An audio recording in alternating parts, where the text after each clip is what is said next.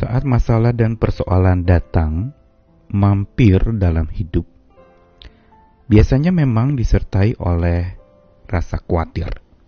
Namun, mengapa orang bisa khawatir? Apakah memang itu bersumber dari persoalan atau masalah yang datang mampir dalam hidup kita?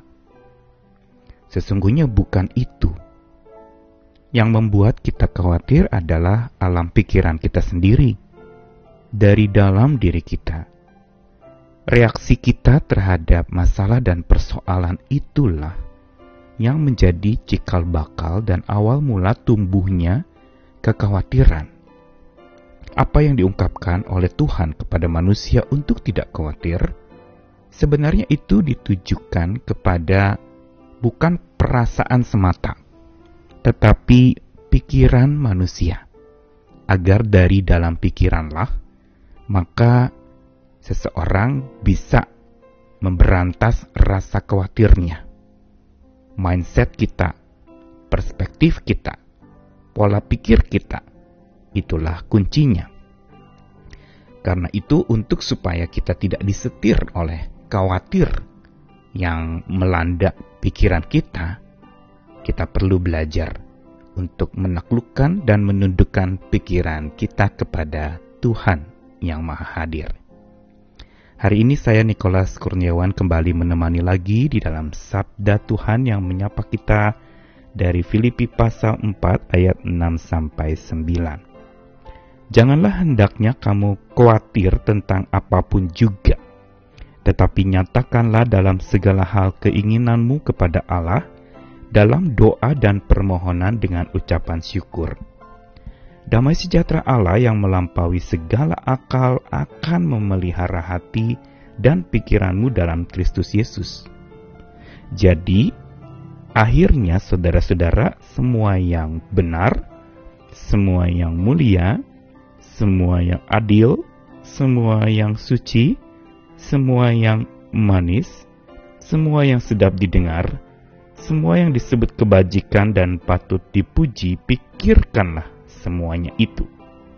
Dan apa yang telah kamu pelajari, dan apa yang telah kamu terima, dan apa yang telah kamu dengar, dan apa yang telah kamu lihat padaku, lakukanlah itu. Maka Allah sumber damai sejahtera akan menyertai kamu. Bila seseorang sedang dalam keadaan yang baik-baik saja, lalu dia sedang limpah, jaya, penuh dengan kekayaan, berkat yang luar biasa memenuhi hidupnya, dan ia mengatakan kepada orang lain, "Jangan khawatir." Tentu saja mudah. Saat gembira, saat happy, saat bahagia, lalu menasihati orang, "Sudahlah, jangan khawatir."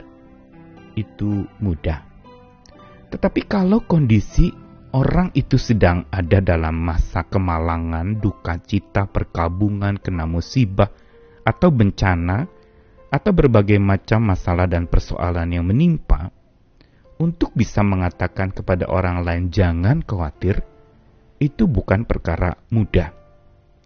Karena dia juga sebenarnya sedang khawatir.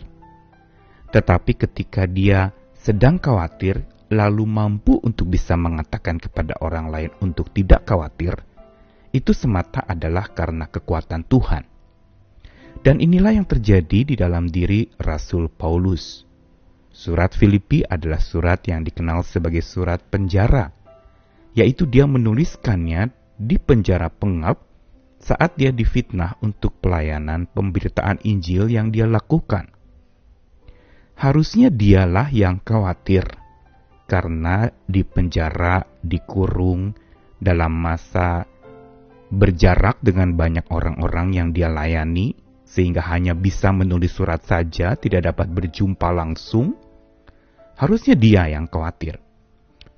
Tetapi yang justru menarik di dalam surat Filipi tidak ada satu patah kata pun keluhan, amarah, atau menyalahkan lingkungan, keadaan, atau lalu kemudian mencari kambing hitam dari peristiwa yang mengantarkan dia ke penjara. Tidak sama sekali. Bahkan kalau kita membaca dari Filipi pasal 1 sampai pasal 4, itu semuanya berhiaskan kata-kata penghiburan, kekuatan, kata-kata yang mengundang orang untuk bersuka citalah, bergembiralah, naikkanlah syukur. Berulang kali dikatakan. Dan ucapan Paulus dalam Filipi pasal 4 ayat yang ke-6 ini, kembali Paulus mengangkat topik tentang khawatir janganlah hendaknya kamu khawatir tentang apa pun juga. Bila Tuhan Yesus mengatakan jangan khawatir kepada orang-orang pada zamannya dulu itu, karena mereka khawatir akan sandang pangan, makanan, minuman, dan segala kebutuhan penghidupan mereka sehari-hari. Tapi kali ini Paulus lebih tajam lagi mengatakan untuk tidak khawatir tentang apa pun juga berarti bukan saja bicara makanan, minuman, materi, berkat, rejeki yang hilang atau tidak ada, atau persoalan-persoalan hidup sehari-hari berkaitan dengan penghidupan. Tetapi jangan kamu khawatir tentang apa pun juga, berarti segala hal dalam apa pun juga kita tidak perlu khawatir. Dan dilanjutkan dengan nyatakanlah dalam segala hal keinginanmu di dalam doa permohonan dan ucapan syukur. Ini tips yang kita sudah sering dengar dari Rasul Paulus untuk supaya kita bisa mengatasi rasa khawatir kita berdoa, bersyukur, lalu menaikkan permohonan, nyatakanlah segala hal, keluhanmu, segala pergumulanmu kepada Tuhan. Ini adalah satu langkah yang sangat praktis. Tapi lebih dalam lagi, Paulus menyentuh satu kunci penting yang menyebabkan orang itu bisa khawatir, yaitu pikirannya, pola pikir atau cara pandangnya, mindsetnya, perspektifnya. Paulus mengatakan Allah damai sejahtera itu yang melampaui segala akal akan memelihara hati dan pikiranmu dalam Kristus Yesus. Paulus tahu betul bahwa kunci dari menghadapi kekhawatiran itu bukan sekedar berdoa, memanjatkan syukur kepada Tuhan, menaikkan segala pergumulan itu ceritakan kepada Tuhan, tetapi yang lebih vital dan lebih penting lagi dalam hidup seseorang mengatasi kekhawatiran adalah pikirannya. Makanya dikatakan bahwa damai sejahtera Allah yang melampaui akal itu akan memenuhi pikiranmu, memelihara hati dan pikiranmu. Berarti pikiran kita dipelihara oleh damai sejahtera yang dari Tuhan. Ini yang menyebabkan kita tidak lagi terjerat pada kekhawatiran. Yang sering kali ketika seseorang khawatir, dia menjadi seperti disetir oleh rasa khawatir itu. Dan kalau disetir oleh rasa khawatir dalam diri itu, maka hidup akan menjadi tambah getir. Kepahitan demi kepahitan kita tabung di dalam hati, sehingga kita tidak dapat lagi memikirkan hal-hal yang baik, yang manis, yang sedap kedengarannya, yang disebut kebajikan, yang mulia. Itulah yang dikatakan oleh Paulus, bukan? Jadi akhirnya dia bilang, semua yang benar, semua yang mulia, semua yang adil, suci, manis, sedap didengar, yang disebut kebajikan dan patut dipuji, pikirkanlah semuanya itu. Mengapa Paulus kembali lagi menyentuh sisi yang paling penting dari problematika kekhawatiran manusia, yaitu pikiran. Yang berarti pikiran kita lah yang harus diubah cara pandang kita. Pikirkanlah yang benar, yang mulia, yang adil, yang suci, bukan pikir yang baik-baik saja. Tapi bicara yang suci, yang manis, yang sedap didengar dan berarti semua yang berasal dari Tuhan. Pikirkanlah itu dan akhirnya di ujungnya pun Allah sumber damai sejahtera itu akan menyertai kita.